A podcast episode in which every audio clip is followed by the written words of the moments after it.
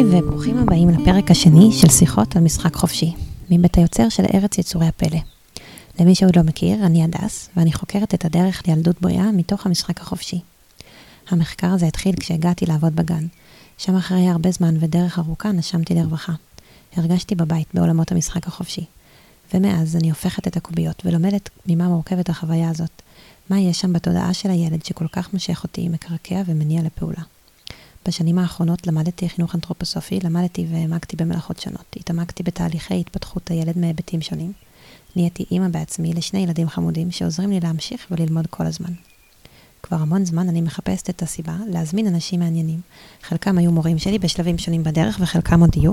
להזמין אותם לשיחה, להעמיק את ההבנה שלי בעולמות הילדות והמשחק. אני מזמינה אתכן ואתכם להצטרף ללמידה המשותפת שלנו.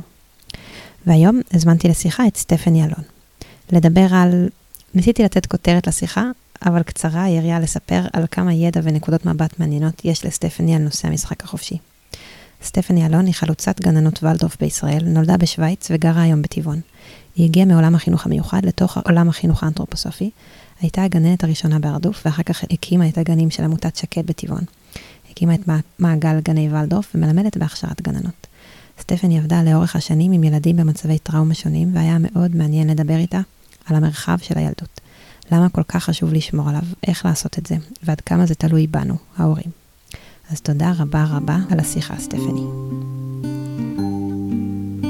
גדלתי במקום שבאמת היה לי כל המרחב למשחק חופשי בתור ילדה. אה, אבא שלי היה כבר אנתרופוסוף, גם הסבתא כבר. כן. אז ברור שבאיזשהו מקום האווירה בבית הייתה תומכת ילדות אה, חופשייה, זה לגמרי ברור. אני גם גדלתי בשוויץ, והשנות הגן, so called, היו בכפר שבכלל לא היה קיים גן ילדים. אז בעצם אנחנו בתור ילדים היינו אז שלושה, אחר כך היינו עוד ארבע, היינו עוד, עוד אחות נולדה, אבל היא כבר בעיר נולדה. אמ, בעצם היינו רגילים לפעול עצמאי ולעשות מה שרצינו, ואף אחד לא בדק אותנו, אף אחד לא, כאילו מרחב חופשי בצורה בלתי רגילה, היינו ביער, בשדה, על יד הנחל. אה, אבל איכשהו בתוך הריתמוס של היום, אני לא יודעת איך עשינו את זה, שתמיד ידענו מתי זה צהריים, שאימא מחכה עם ארוחת צהריים, אבל בעובדה, כאילו הייתה אימבדית, כן, בתוך, בתוך היום, ו, והמרחב החופשי היה עצום. אה, במובן הזה אולי הייתי, הייתה לי איזו ברכה כזאת אה, של לגדול באופן, באופן איך שאנחנו רצינו לגדול. ויותר מאוחר, בתור אישה מבוגרת, שאחר כך ביקשו, ביקשו ממני בהרטוף לפתוח את הגן הוולדורף הראשון, אמרתי, תקשיבו, אני לא יודעת מה זה גן. כי אני לא הייתי אף פעם בגן, אבל אני מוכנה ללמוד את הנושא. אמ, אז עסקו בזה, אבל לא, לא יצאו לציבור עם זה באופן מעשי. בעצם החינוך מיוחד, הוא עשה את הצעד הראשון, אה, באמת, אה, בסוף שנות ה-60. ומתוך זה אני נסעתי אחר כך ללמוד בגרמניה חינוך מיוחד, אבל בסוף חזרתי שוב שקראו לי, לא התכוונתי להיות בארץ בכלל, אבל הייתי מוכנה לתמוך, וככה היה לי הלוך וחזור כמה פעמים. ו, ולמדתי גם ריפוי בדיבור, ולמדתי עוד המון דברים. ובסוף, דרך ההיכרות עם האיש שלי, והגעגועים שלו לעיר ישראל, אז אה, התחלנו לחיות גם בכפר, בכפר יחזקאל, גם בעמק, ושם בעצם הילדות של הילדים שלי, שגם כן חשו, מי שגדל שם, חשו את המרחב החופשי שיש באזור אה, כפרי, שלא בהכרח יש היום לרוב הילדים. שהתנועה היא חופשית. לרוב הילדים אין אותה, כן, אני באמת חושבת שזאת ברכה בילדות, כשאתה לא תמיד בהשגחה של מבוגרים, אלא שאתה בונה לעצמך את ה... כאילו, את היחס שלך לעולם, כמובן בתמיכה של המבוגרים, ברור, אתה לא לבד. כן. אבל שיש בכל זאת איזשהו מרחב בזמן ובמקום שהוא, הוא, אתה מעצב אותו, אתה לומד להכיר אותו. אמ, זהו, כשיצאנו מהכפר, אמ, הוא בעצם גלעד ביקש בעצם ללמוד כמה אנתרופוסופיה, ודרך זה יצרנו קשר עם הרדוף. ושם הם אמרו, אז, אז את צריכה להיות הגננת שלנו. אז בעצם שם התחילה כל העיסוק הזה עם גיל הרך, שהבנתי, בעצם כל מה שלמדתי עד עכשיו תומכת בעצם את, ה, את העבודה הזאת עם ילדים קטנים, כי גם חשוב שיש לך את הפרספקטיבה המלאה לגילים הנוספים שעוד יהיו, כן? ואפילו לחיים המבוגרים, כדי לדעת מה באמת, באמת, באמת חשוב בגיל הרך. ולא רק להתעסק עם זה, כן? אלא תמיד עם הפרספקטיבה. מה, מה צומח מזה? ואני חושבת שזה בהקשר של המשחק החופשי, הוא, הוא, הוא בדיוק גם כן אה, המבט שבעצם בכל גיל אתה מפתח איכויות שמשתים אותך או חוסמים אותך בחיים המבוגרים. ואם אנחנו מהתמונת עולם שלנו, אנחנו אה, מתאמנים להסתכל על, ה, על התקופה של גן או תקופת בית ספר, לא רק כנקודתי, אלא באמת בהקשר של מה אנחנו רוצים לפתח שם, איזה בן אדם אנחנו היינו רוצים לראות בסופו, בסוף של הדרך או, ב, ב, או בדרך, כן?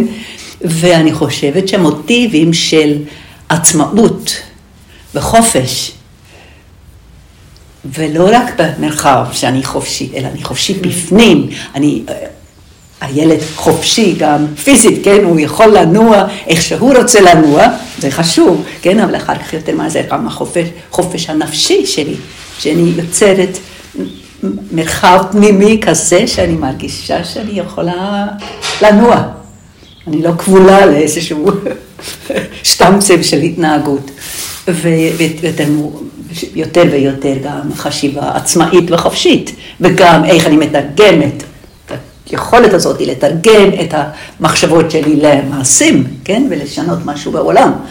אה, זה בעצם, כאילו, זה הפרספקטיבה שהייתי רוצה, שילדים אה, ילכו ככה לתוך החיים, ולהיות עם התמונה הזאת אה, בגיל הרך, גם אם אתה עוסק בתינוק, ועם הילד שרק שוכל, או הילד ש, שכבר רץ בבית. תמיד לראות גם את ה... את ה או, או לפחות איזושהי תודעה של...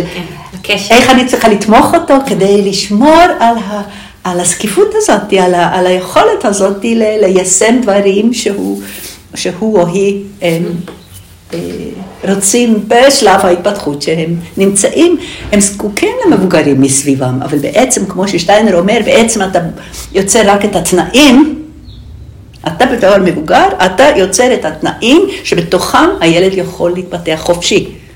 זו אמירה מרחיקת לכת. ואתה צריך לחשוב את זה שוב ושוב חדש, בכל, בכל שלב שהוא. אני לא המוביל, אני היוצר את התנאים. את המרחב המתאים. מרחב בכל המובנים, לא רק הפיזי. גם, גם כן? רגשית. רגשי, גם, גם חשיבתי, גם פיזי, הכל, כאילו, ו, ולהיות בתודעה הזאת, לא אני המחנך, אני לא מחנך את הילד, אני, אני יוצרת דרך היותי המורה או גננת או, מור, או אימא או אבא או סבתא. בעצם אני יוצרת את סוג של סביבה שבתוכה הילד בעצם אמור לפנות, ללמוד את החופש שלו. וזה סך הכל גם מהפכני אה, בפני עצמו. אתה צריך בעצם לשאול את השאלה, אז מי הילד הזה, כן? בעצם בשבילו אני יוצרת את הסביבה המתאימה. זה אולי לא מתאים לילד השני.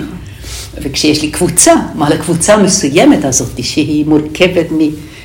מכך וכך, בגיל הזה, כן? כאילו בעצם זה משאיר אותי בלמידה אה, מת, מתמידה, כן? השאלה הזאת מה תומך את הילד בלהיות יום אחד בפנים וגם במעשי בן אדם שהוא מרגיש שיש לו בחירה חופשית, הוא לא, הוא, וגם שיש לו את הכלים ליישם את הדברים שהוא חושב אותם, ליישם את הדברים שהוא מרגיש אותם. אני חושבת שהשאלה הזאת היא מאוד משפיעה על מי אני בתור סבתא, אימא, אבא, גננת, אמ, איך אני שם. אבל כן, אני חושבת שאפשר, גם שמעתי אה, ששטיינר אומר שהעבודה של הילדים זה המשחק. הדבר הכי חשוב, ש... וגם גן אה, ולדורף מופנה מאוד, ל... כאילו הדבר הכי חשוב שקורה ביום הוא המשחק החופשי, הוא הזמן של המשחק. אז אה, אולי שנדבר קצת על אז, למה אז כאן, זה חשוב. כאן השאלה, קודם כל, הבהרה מה זה משחק, כן? כן. כי אנחנו משתמשים במילה הזאת בכל כך הרבה הקשרים, שכאילו משחק כדורגל, אוקיי, משחק כדורגל, זה לא שלילי, אבל זה משחק, איחוד משחק לגמרי אחרת ממה שאנחנו כאן בעצם מדברים עליו אה, בגיל הרך, שהוא הוא רק לקראת הסוף של השביעון, אה, בעצם הילדים אפילו מחפשים קצת חוקים. כן? נניח אנחנו לא רוצים עכשיו לעמוד על, כאילו מי, מי, ש, מי שעומד על הרצפה הוא פסול, אז אנחנו צריכים לקפוץ מספה לספה וכיסא וכיסא. זה, זה סוג של חוק, שעכשיו גם אני וגם את, אנחנו חייבים לענות לו, כן? זה נורא מעניין שיש איזשהו drive כזה לקראת גיל סוף של ה... חוקים, וכמו משחק כדורגל או כמו משחק דידקטי שהוא של למידה, זה משהו ש, שהורים ובעולם שלנו יותר מכירים, אבל המשחק החופשי, אז זה משהו שהוא פחות, קצת הולך ונעלם. בגלל זה זה כל כך חשוב לדבר עליו, כן? אני ממש מרגישה ש, שבאמת, כמו שהילדות בעצם לאט לאט הולכת לאיבוד, כי, כי לילדים אין את הקול שלהם, כן? הם לא יכולים לעשות הפגנה ולהגיד סליחה, תשמעו לי על המשחק החופשי. כי בעצם, כאילו משהו מבחוץ מנסה לכווץ את, ה, את, הזמן, את המרחב החופשי הזה כל וגם הזמן. וגם העולם שלנו דוחף קדימה כל הזמן, ילדים לגדול כן, כן, ולהכין את עצמם זה לבית כבר ספר. מ- מ- כמעט מהריסה רוצים כבר לקדם ילדים.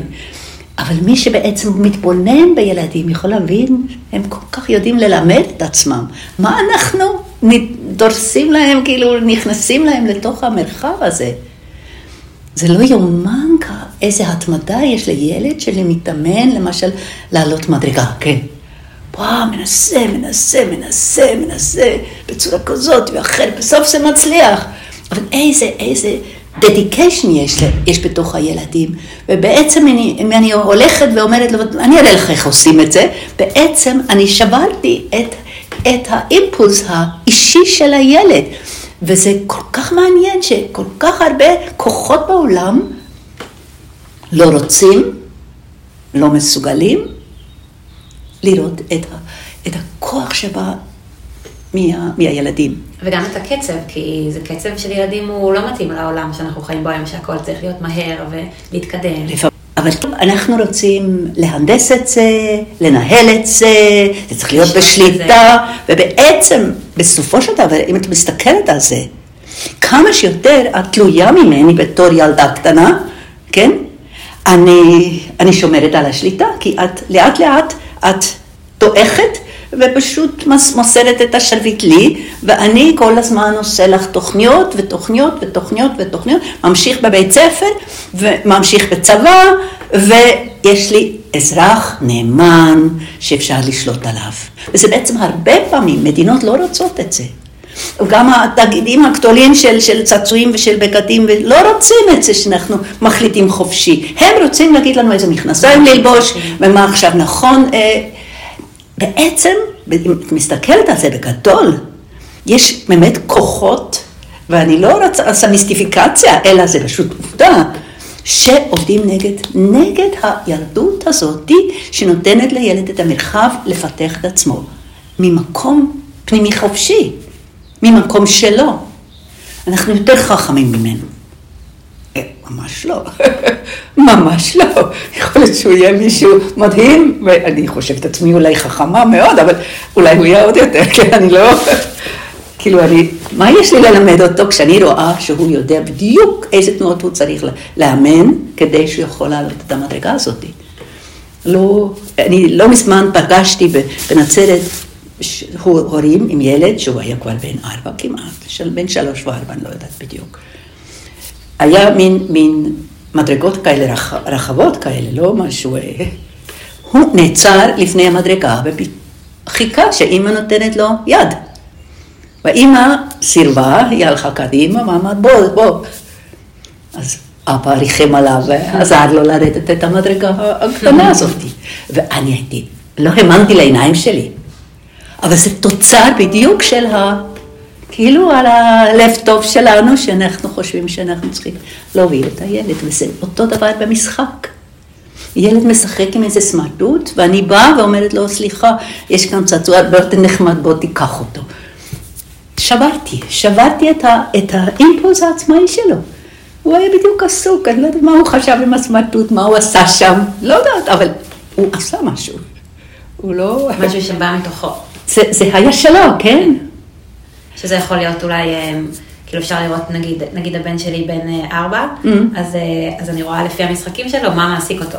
נגיד, הוא הולך לבית כנסת, ב- בשבת הוא הולך לבית כנסת, אז אחר כך הוא יכול המון זמן לשחק בלהוציא ספר תורה, ושזורקים סוכריות, והוא עושה מזה תרחיש שלם. וכל פעם אני יכולה לראות מה מעסיק אותו, אז, אז זה גם איזושהי דרך לבטא את מה, ש, את מה שקורה בפנים, נכון? אז זה בעצם שני, שני מרכיבים, את רואה כאן, כן, שבעצם מאזינים את המשחק החופשי, שזה משחק שהוא לגמרי שלו. לא, אני לא הדרכתי אותו. ברגע שאני מדריכה זה כבר לא משחק חופשי, כן? זה, זה חשוב, אה, זה, זה מין, מין איחוד ראשוני שהילד מביא אותו. ו, ובלי שום התערבות, בלי שום חוקיות מבחוץ, בעצם הדבר היחיד, אנחנו כאן בתור מבוגרים, אנחנו כאן. אנחנו חיים כמבוגרים על יד הילד. ואנחנו הולכים לבית כנסת, כן, לצי, ומתפללים, אנחנו מנקים את המטבח, לצי, אני, אה, אני מבשלת משהו, אני סורגת, אני, אני עושה דברים שאני חושבת באותו רגע שהם הכרחים. זה חשוב לחיים שאני עכשיו סורגת, לא יודעת. כן, אני עושה עכשיו משהו שהוא ענייני, וגם כשאני קוראת ספר, כן, אני עושה את זה מתוך איזושהי סיבה כלשהי, אני מבוגר, יש לי מטרות, אני רוצה ללמוד עכשיו על הביוגרפיה הזאת וקוראת את הספר הזה. אני שמה לי מטרות, אני יש לי את המיומנות שרכשתי לי במשך שנים רבות, ועושה את הדבר הזה כמה שיותר אה, מקצועי, הקריאה שלי, התפילה שלי, הניקיון שלי, הבישול שלי, הכינון שלי. הילד חווה כל הזמן בעצם אה, בסביבה שלו אה, מבוגרים, מבוגרים, שהם ממש מבוגרים, שמרגיש דרכם, יש להם איזה משמעות, יש משמעות במה שהם עושים. זה, יש איזשהו תכלס בתוך זה, כן? כאילו, הוא לא תמיד יודע למה, אבל הוא רואה שהם לגמרי מרוכזים על מה שהם עושים, עושים את זה מקצועי, התנועות שלהם, עניינים, כן? והוא הוא שותה את כל הרשמים האלה. אז זה בצד אחד, הוא, הוא לגמרי חי בתוך התנאים האלה, בתוך הסביבה הזאת שאנחנו מספקים לו, שהיא מבוגרת. לפעמים יש לו אחים יותר גדולים, אז כמובן גם מהם, בצורה שלהם. אבל הוא חי את ה... להיות יותר גדול, דרך הרשמים שלו, ו, ומשהו הם, בתוכו רוצה לאבד את זה, וזה אנחנו באמת רואים במשחק. שזה החיקוי הוא- בעצם. זה, זה החיקוי, אבל החיקוי חופשי, זה לא אוטומט. כן. לא כל דבר הוא מחכה. זה לא וזה לפעמים אה, מפתיע גננת שילדים לא תמיד משתתפים בכל דבר, ואז "אמ, זה פוגע בהם קצת כי אני עשיתי מעגל כל כך יפה והם לא משתתפים. אבל זה לא נכון, ילדים הם סך הכל קולטים את התנועות של הסביבה שלהם, כל אחד בצורה שלו, אבל הם קולטים את התנועות ומאבדים את זה כל אחד בצורה שלו. כי בעצם ילד שהוא כל כך עוד חי פריפרית באיזשהו מקום, הוא, הוא, הוא לגמרי נכנס לתוך התנועה הזאת שלך, שאת כאן מבשלת את הדייסה הזאת, כן? גם אם הוא לא משתתף, גם אם הוא לא משחק את זה אחר כך. אבל בעצם הוא, באותו רגע, הוא, הוא איתך, זה יוצא אחר כך במקום לגמרי אחר, בלתי צפוי. כן, כאילו העיבוד של הרשמים הוא בעצם בדואינג, מתישהו, איפשהו, בצורה שלו, בקצב שלו, בעיבוד שלו, בעצם שם העצמאות של העיבוד, זה בשביל ילד בעצם הכרחי בשביל עיכול של כל הרשמים שיש לו מ- מהעולם. שהוא, יש לו זמן ומרחב חופשי שהוא יכול לאבד אותם. והוא עושה את זה מאוד יצירתי. זהו, גם עם הנכדים שלי, אני ממש חוגגת. יש לי נכד, הוא עכשיו בן ארבע, בבאר שבע, מחר אני נוסעת אליו. אה, אז הוא היה אה, כמה ימים בשוויץ עם עוד אה, בני דודים, וככה, והוא פגש שם פעם ראשונה מין, מין אוטובוס צהוב יפה כזה שעושה טו טו טו, כי הוא צריך לי בסיבובים, כן, הוא מודיע שהוא, שהוא מגיע. אז עם שוויץ מתחבר לו גם שלג והכל, אז פתאום על הספה כל נערמו כל הכריות כלשהם, וזה האוטובוס שנוסעים עכשיו בשוויץ, והוא היה שם, הוא היה לגמרי שם, הוא אמר, סבתא, בואי איתי גם כן, אנחנו ניסע ביחד. אז נסענו, ונסענו בסיבובים האלה, לפעמים מהר יותר, והגענו אחר כך למקום של שלג, אז שמנו את הסקי, ואנחנו ירדנו במדרונות, ווואו, איזה שלג. כאילו, הוא כל כך חי את זה. כן.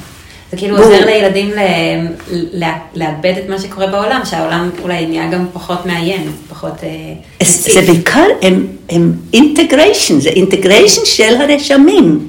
וברגע שיש יותר מדי שפע של, say, דרך המדיות וככה, פשוט אין כבר יכולת לאבד את זה בעצם, מכיוון, מהמקום הזה באמת, דווקא לילדים קטנים באמת כדאי לשמור עוד מין מרחב כזה שהם לא כל הזמן overwhelmed של רשמים.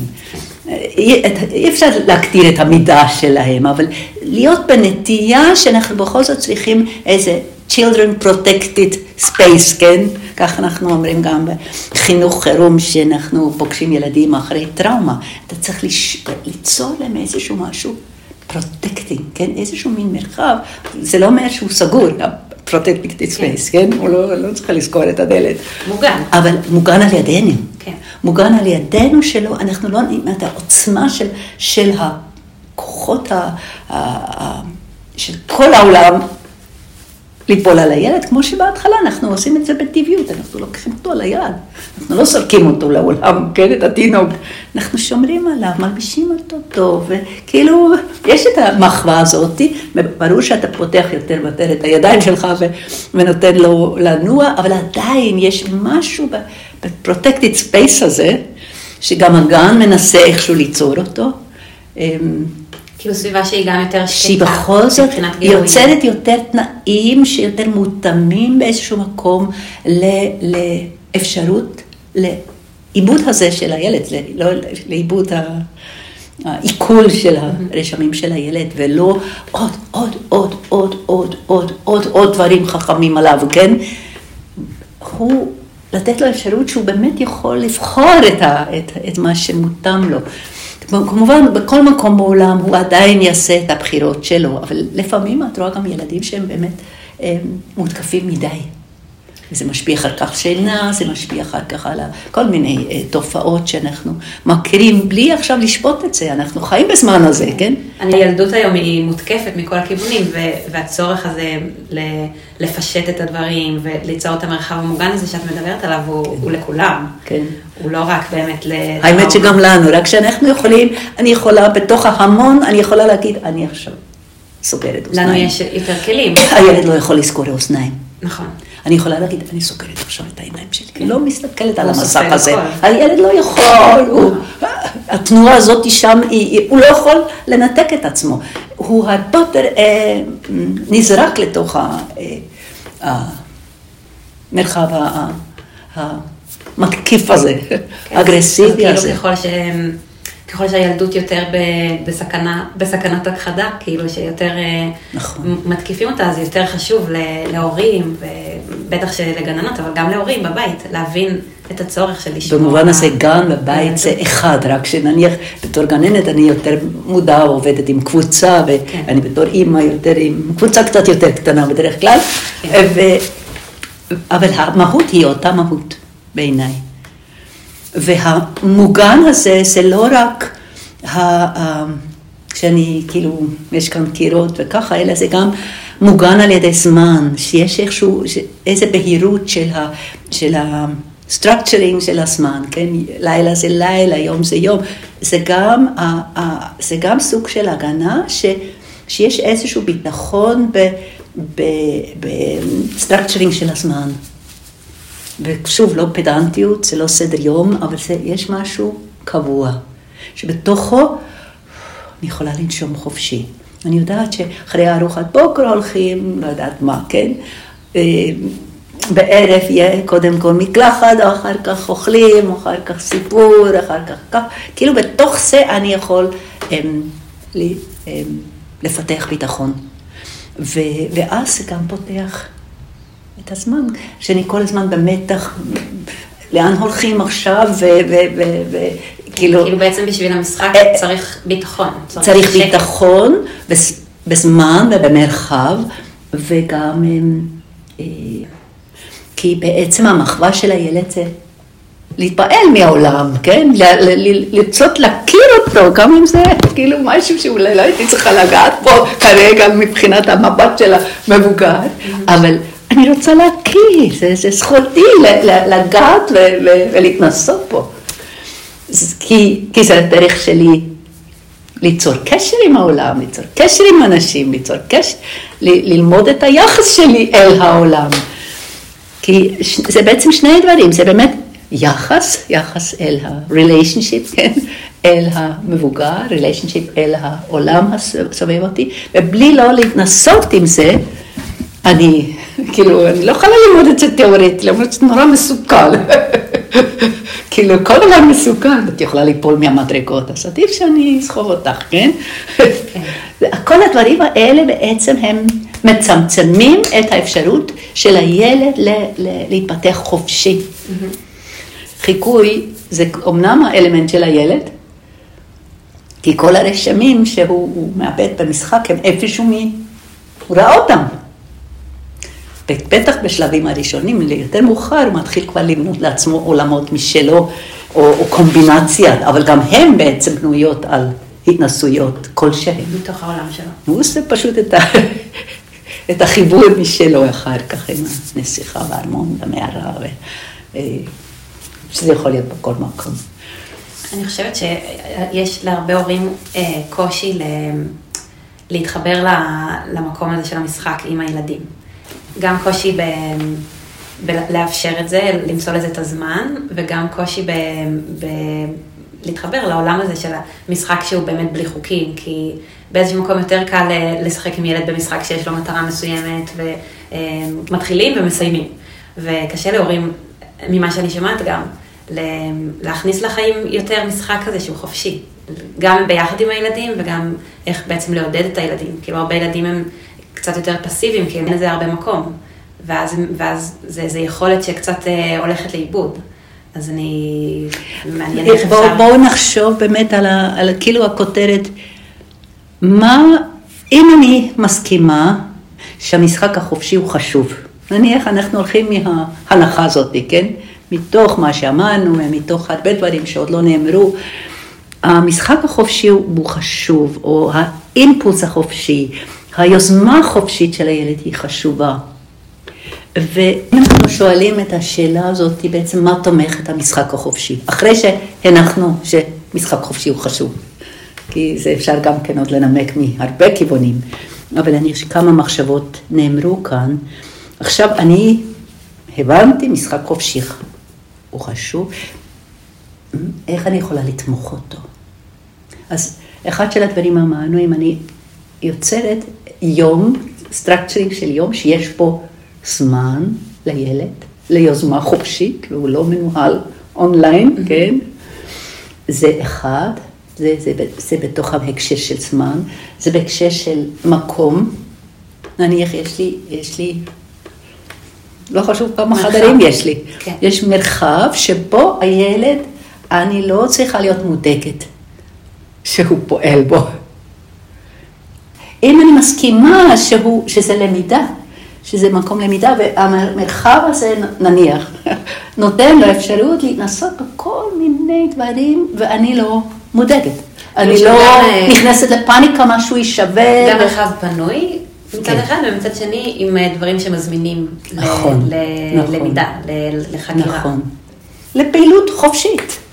שאני לא נכנסת כמבוגר כל הזמן בפאניקה, אוי, עוד פעם משהו נופל, עוד פעם משהו מתקלקל, כאילו... וגם הצד השני שלא אה, עמוס בגירויים ומשחקים אני מסכימה איתך לגמרי. ופשוט המון משחקים. כן, כן, זה גם רואים לפעמים שזה באמת חנות צעצועים עם כל הקופסאות האלה, וילדים בעצם לא יודעים מה לשחק מרוב, מרוב, מעודף. מאוד. זה לגמרי נכון. ומבחינת, אה, כאילו... אז, אז יש את המרחב ויש את. הזמן, שבעצם צריכים להיות מאפשרים בעצם את המשחק ש, שאני לא צריכה כל הזמן להתערב לו. כל כך חשוב שאני לא כל הזמן חותכת את, ה, את, ה, את הזרם שלה, את הזרימה של המשחק. אבל כן לפעמים ילדים צריכים את העזרה של להיכנס לתוך המשחק. כמעט? שלא, כמעט שלא. אם, אם נניח יש כאן במרחב הזה, הסל הזה, או, או בדים, או איזשהו משהו, ילד בריא יודע לעשות עם זה משהו, בכלל לא צריך אותי בכלל.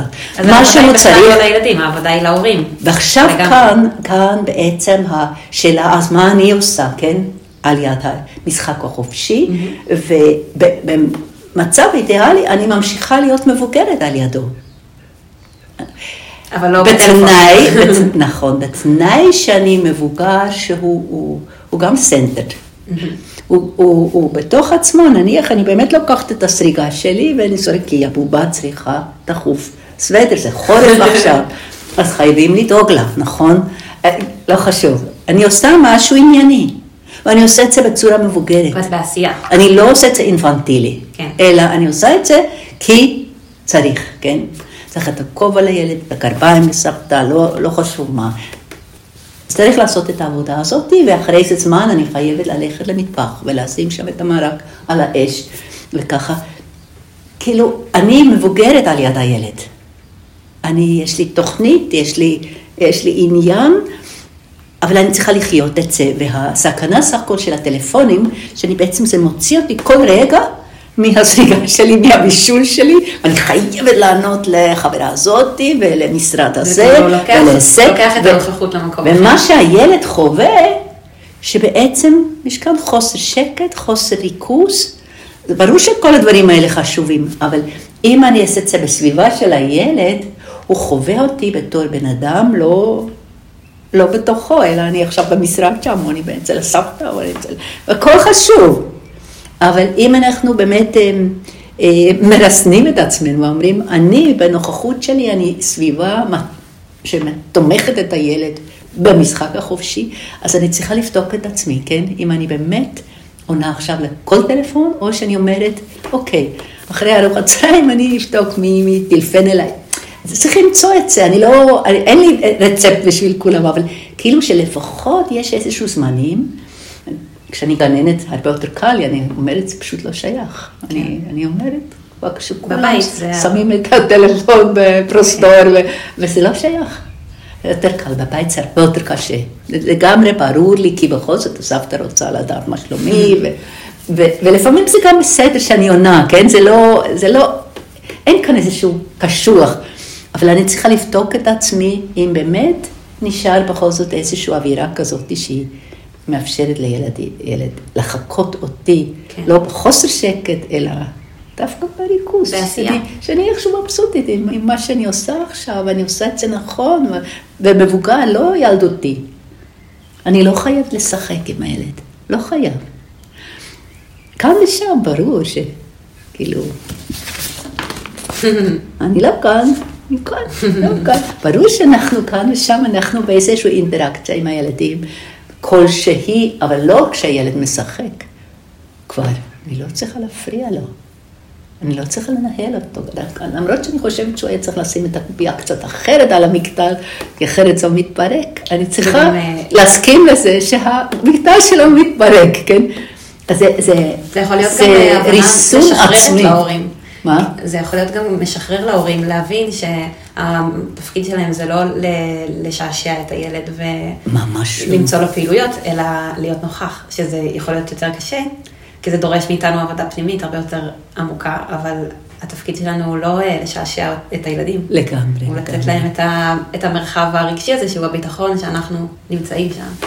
ואנחנו סך הכל יודעים שיש ילדים שהם פלטנים, כן? הם, הם, הם כאילו... ואתה רואה עליהם ש, שהם רוצים לעשות דברים. אז פשוט, כאילו, לשתף אותם במה שאני עושה, נניח אני עושה עכשיו את המרק, אז כאילו לשתף אותם, הוא יכול עכשיו לערבב, הוא יכול עכשיו אה, לחתוך את ה... לא יודעת מה זה גזר, כאילו, ש... אבל למען מטרה מסוימת. רודולף שטיינר כבר בחוברת הראשונה שהוא כתב, כן? חינוך הילד לאור, שהוא עוד ממש זה ניסיון ראשון ליצור איזושהי תמונת חינוך, הוא כותב שם מה שבעצם הכי מהותי בתקופה הזאת של הילדות זה המחווה עם משמעות. זה אומר, אני, אני עושה על ידו את הדברים שאני צריכה לעשות. שאני רואה אותם כמשמעותיים כמובן, כן? את תעשי משהו אחר ואני אעשה משהו אחר, אבל רואים ש, שזה לא סתם, אני לא עושה תרגילים סתם, אלא אני סורגת, או אני, אני מבשלת, או אני מנקה, או אני...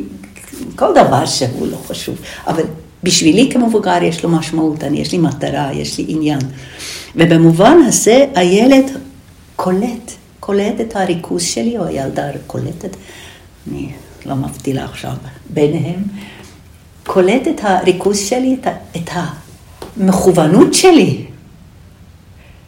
זה דברים מאוד משמעותיים. הוא רוצה סך הכל בשאיפה שלו לא מודעת להיות מבוגר יום אחד, כן? הוא, הוא, הוא קולט אותי, הוא קולט את, ה, את ההתכוונות שלי. ואחר כך זה מופיע במשחק, גם הוא שם מכוון לגמרי, גם אם המטרות הן אחרות והתוצאות הן אחרות, מה זה משנה, אבל הוא קלט את התנועה המכוונת. ואנחנו הרבה יותר מדי מסתכלים על התוצר. כן. או, הצלחת לעשות מקטע. אז מה? כאילו, הרבה יותר משמעותי היה הניסיון שלו, כן, איכשהו, הבחירה שלו, של הקופיות המסוימות, וכאילו, הוא עשה שם איזשהו דרך. תוצר, לפעמים הם בעצמם עושים טוק, וזה נופל הכל. זה, בכלל התוצר הוא לא חשוב, אנחנו לא רוצים אחר כך לשיר אותו, צריכים להראות אותו לסבתא, צריכים להראות לגננת, איך עשית את זה כל כך יפה. כאילו, לא זה משהו שלא לא מתאים לו, כן. לא היו כוונות אחרות, הוא למד, התנועה שלו אולי הייתה המטרה, אבל במילא זה לא מודע, כן? הוא, הוא קלט משהו בתוך העשייה הזאת שהוא כאילו מביא אותו הלאה לעולם של המבוגרים, באופן חופשי. כן. לא בגלל ש... אנחנו לא יכולים לצפות מילדים להיות שקועים במשחק, אם אנחנו לא מצליחים אה, להיות שקועים לידם בעבודה משמעותית. זה לגמרי ככה, ובמובן הזה ההשוואה הזאת של איך שאני בעבודה, אמיתית, כן. זה בעצם הילד במשחק. האיחוד הזה של הריכוז, כמובן אני תוצר אוריינטטד, אבל הוא לא. כן. הוא תהליך אוריינטטד. גם אנחנו מחפשים את, ה... את העשייה שלו, תמיד יש לה תוצר. נכון. שהיא לא בשביל אה, מטרה מסוימת. נכון, נכון, אבל בגדול, אה, כן, אני בכל זאת מתכוונת למשהו. אני מתכוונת למשהו, וזה מבדיל אותי, ואני מסתכלת אחר כך, כן, אם אני נגר. אה, מישהו מבחוץ אמר לי שהוא רוצה כיסא. יופי, יש לי הזמנה, אני הולך לעשות כיסא. עכשיו, אני יצירתי, אני עושה כיסא. אצלנו בתור מבוגרים, בכל זאת הדרישות הן הרבה יותר מאיזשהו משהו אובייקטיבי, כן? כיסא צריך להיות בנוי כך שהוא לא יישבר בפעם ראשונה שאני יושבת עליו, אז אני צריכה לחשוב על העץ ועל הגודל ועל המדות. וה... כאילו, אני עונה לדרישות מסוימות, לא רק מבפנים, אלא גם מבחוץ. אנחנו מאוד מאוד result oriented. וזה צריך, במידה גדולה, אנחנו צריכים למחוק את זה אצל הילדים.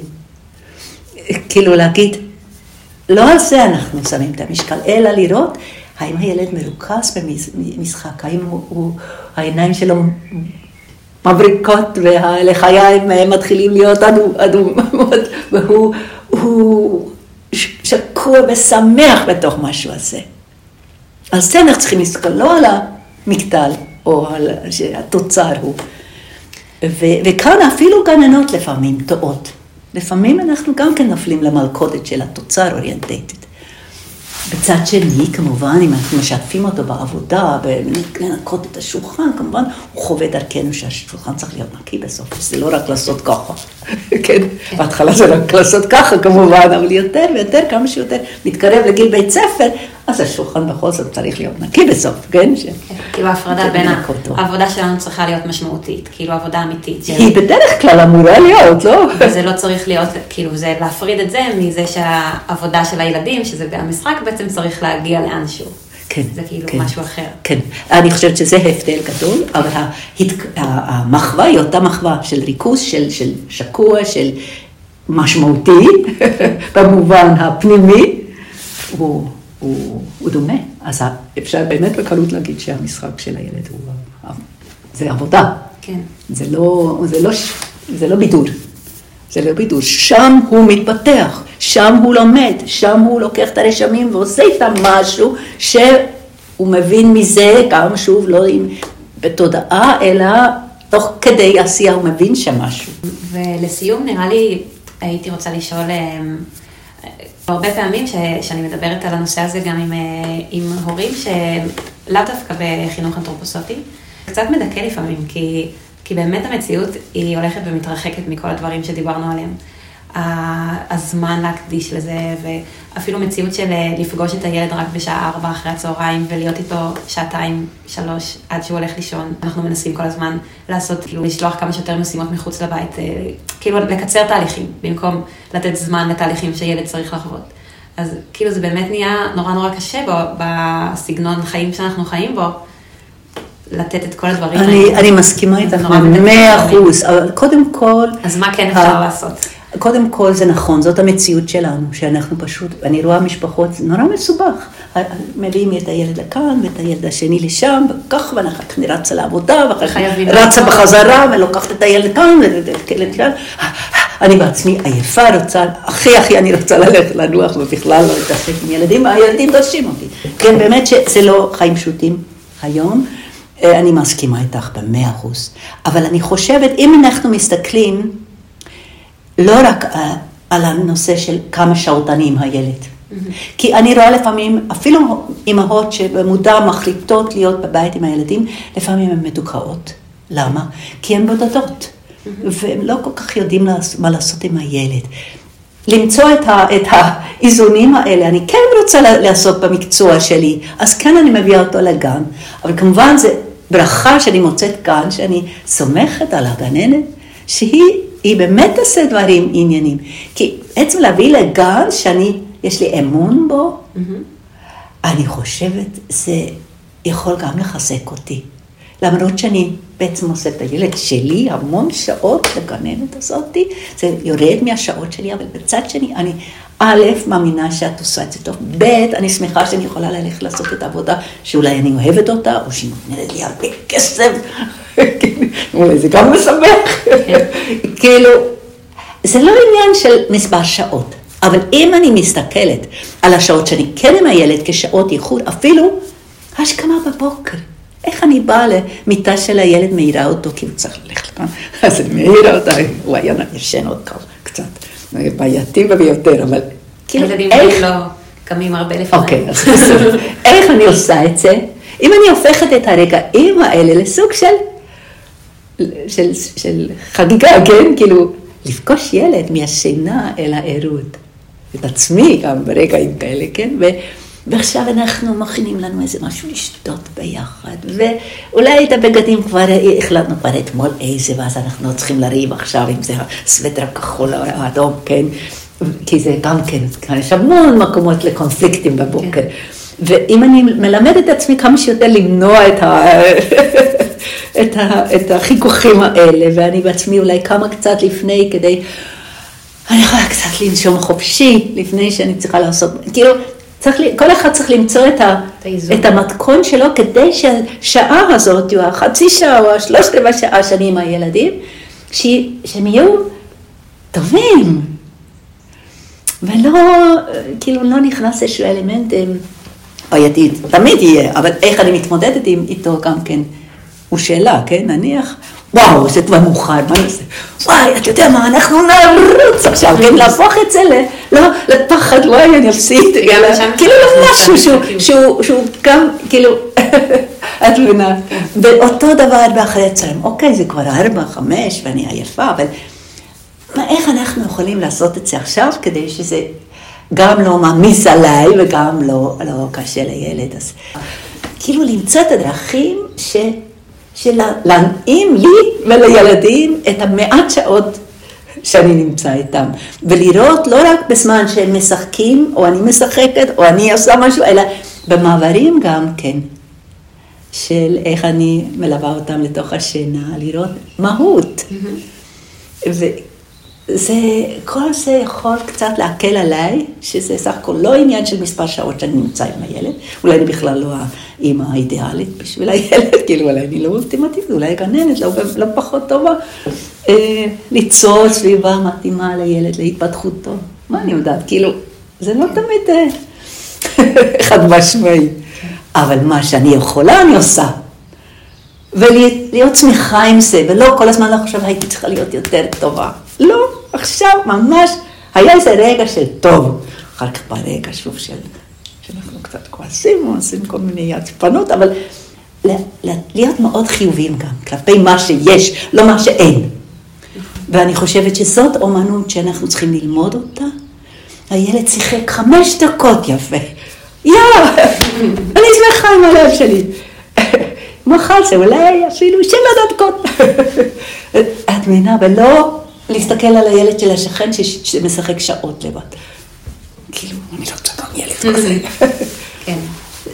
את מבינה לי, להפוך את עצמנו, לראות את הטוב בעולם. וגם אה, האווירה הכי אולטימטיבית אה, בשביל הילדים, בגדילה שלהם בשנים האלה, מה רודולף שטיינר אומר? הכרת תודה. וזה בדיוק זה, הכרת תודה למה שיש. הילד שלי יודע חמש דקות לשחק בשקט, בלי, בלי שאני צריכה לתמוך אותו. אוקיי, חמש דקות, הצליח. כאילו לראות את היש, לא את האין. זה, זה ה... אני חושבת זאת האומנות היום שלנו כמבוגרים. כי אנחנו רוב הזמן רואים את הדפקטים. נכון. גם כל המערכת החינוך הוא כזה, כל המערכת חינוך הזה, גם כן. כל המערכת הטיפולים הוא כזה, כל הזמן, אה, רגע שלך, קצת עקומה, צריך לעשות משהו עם זה. כאילו כל הזמן, במקום לחזק במקום להגיד, רגע, איזה יציבה יפה יש לך, כן. ברור שאולי צריך לעשות משהו ברגל, כן? אבל קודם כל לראות את, ה, את הסך הכל, ולא כל הזמן defect orientated, אלא לראות איפה שיש משהו. ואני חושבת שהיום יותר ויותר, גם תודה לקורונה וגם לפני וגם אחרי, אני חושבת היציאה החוצה עם ילדים למקום שאין את כל המכשירים האלה שמטרידים אותנו, פשוט למקום בלי צעצועים.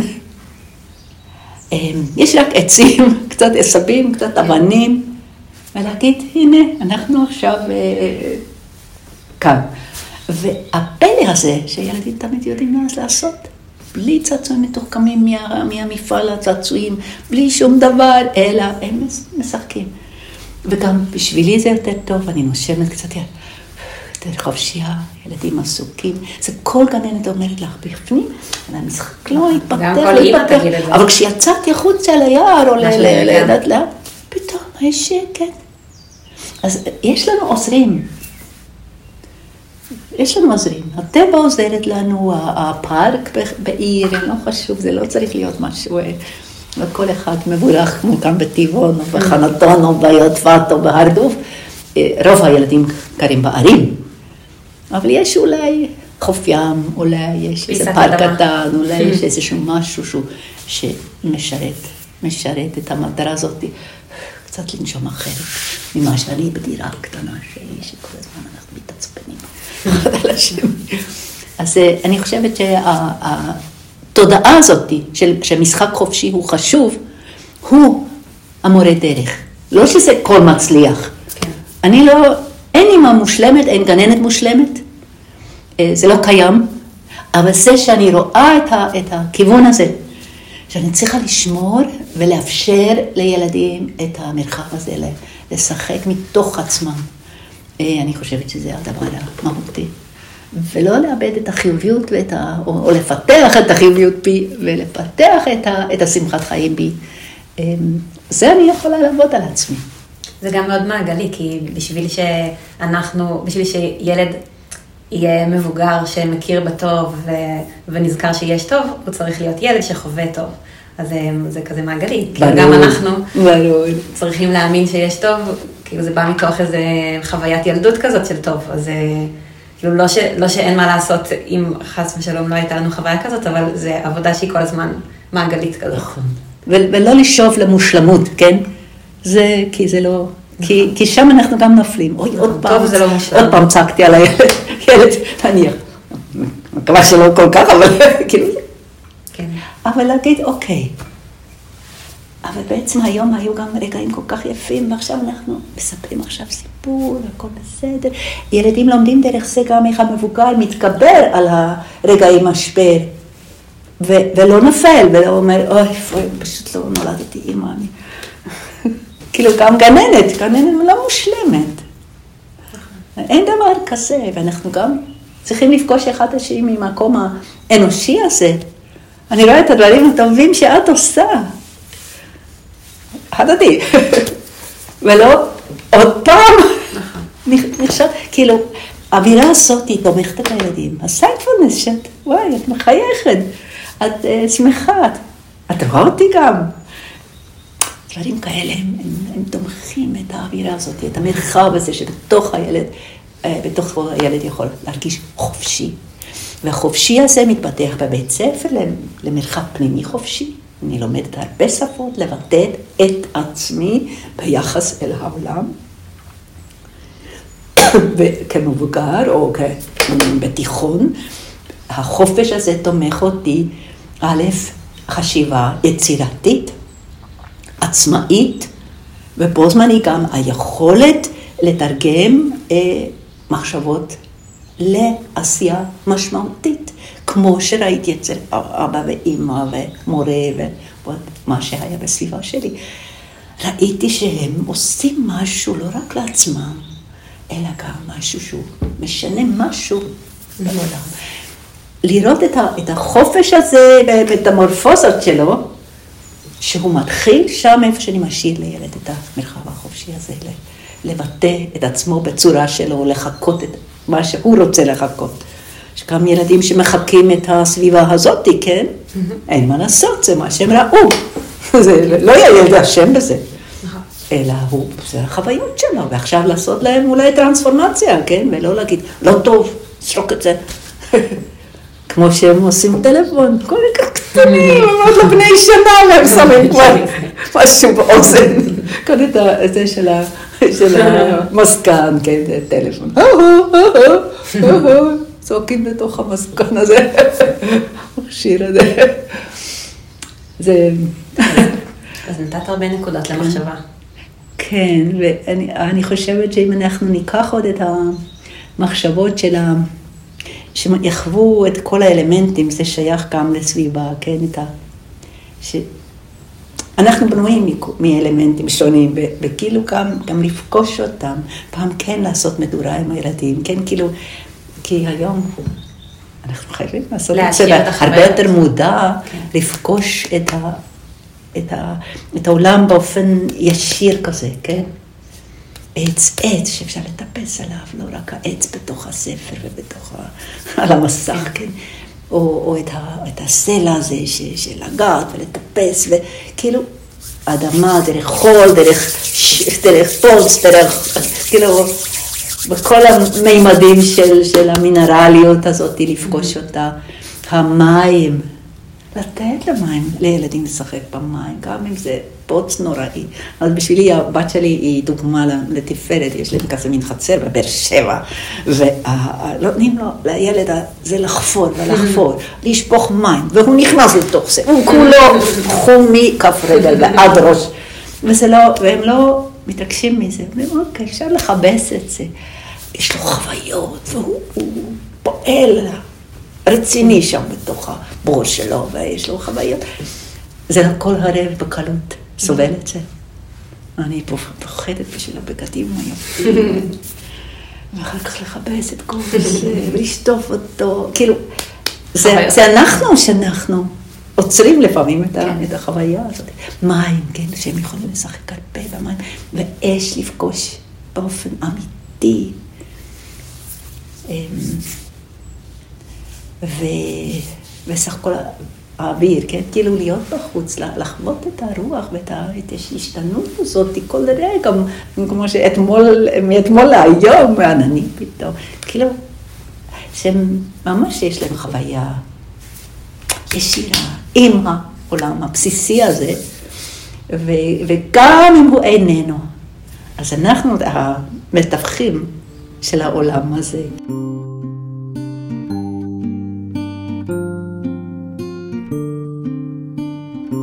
כשסיימתי את השיחה עם סטפני, ממש כשהייתי כבר רגל בחוץ, היא סיפרה לי על ילדים שהיא פוגשת שנמצאים במצבים מאוד מורכבים, באזורים קשים, דיבורים על ילדות בשואה, וזה מאוד הדגיש לי עד כמה יצירת המרחב הזה, המרחב השמור של הילדות, תלוי בנו, ההורים. ביכולת שלנו להתרכז בטוב, לראות מה יש ולא מה אין, להשאיר את הדמיון בסיפורים, ולתת מרחב בטוח של אהבה וביטחון. תודה רבה, סטפני. ותודה לכל מי שהאזין, שהייתם שותפים ללמידה. אני אשמח מאוד לשמוע מחשבות ושאלות, מה היה עוד מעניין אתכן ואתכם לשמוע. ניפגש בפרק הבא של שיחות על משחק חופשי.